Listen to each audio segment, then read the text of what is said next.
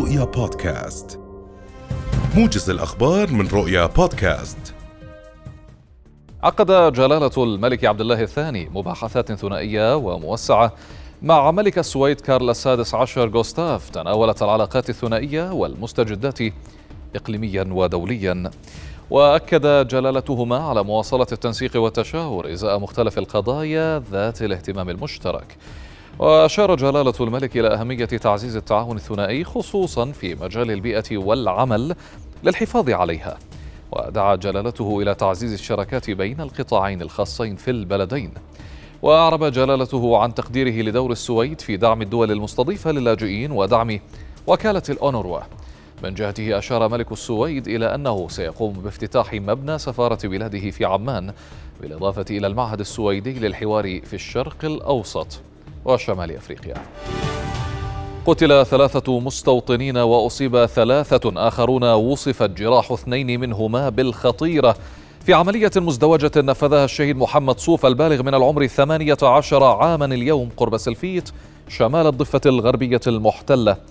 الشهيد محمد نفذ العملية على ثلاثة مراحل ولعشرين دقيقة بدأها بطعن مستوطن قرب محطة لركوب الحافلات بمدخل مستوطنة أرييل ثم خطف مركبة مستوطن بعد طعنه ودهس عددا آخر من المستوطنين قبيل أن يرتقي بعد أن أطلق جنود الاحتلال عليه الرصاصة بشكل مباشر حيث اختطف الاحتلال جثمانه وأعلن عن إغلاق المنطقة. قالت الناطقة الإعلامية باسم جامعة اليرموك في بيان صحفي إن الأمن الجامعي فض مشاجرة طلابية وقعت اليوم لافتة إلى أن الهدوء يسود الحرم الجامعي حاليا.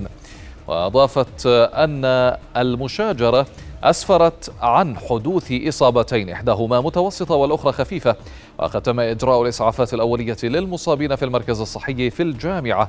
كما تم نقلهما إلى المستشفى لاستكمال تلقي العلاج اللازم.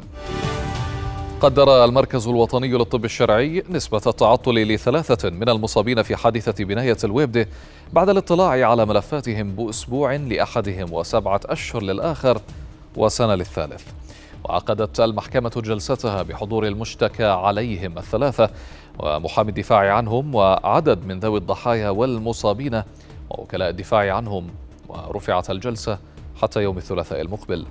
المصابون الثلاثة كانوا من بين تسعة أشخاص أصيبوا في الثالث عشر من أيلول سبتمبر الماضي لدى انهيار بناية ومنزل مجاور لها في الويبد بعدما أسفر عن مقتل أربعة عشر شخصا بينهم أطفال ونساء.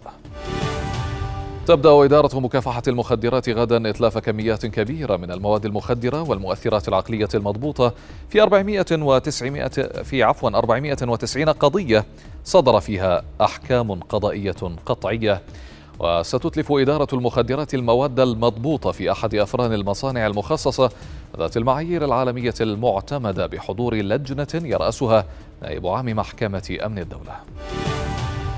خسرت كاريليك المرشحة الجمهورية لمنصب حاكم ولاية أريزونا والمدعومة من الرئيس السابق دونالد ترامب السباق أمام منافستها الديمقراطية كاتي هوبس في انتخابات منتصف الولاية.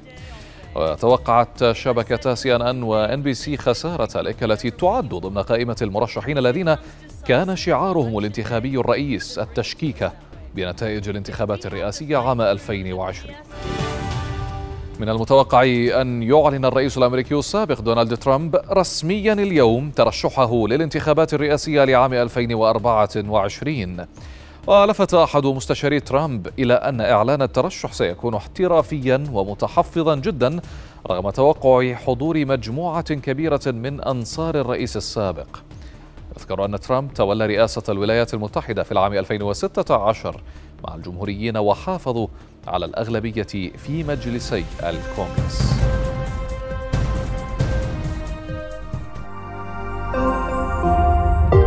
رؤيا بودكاست.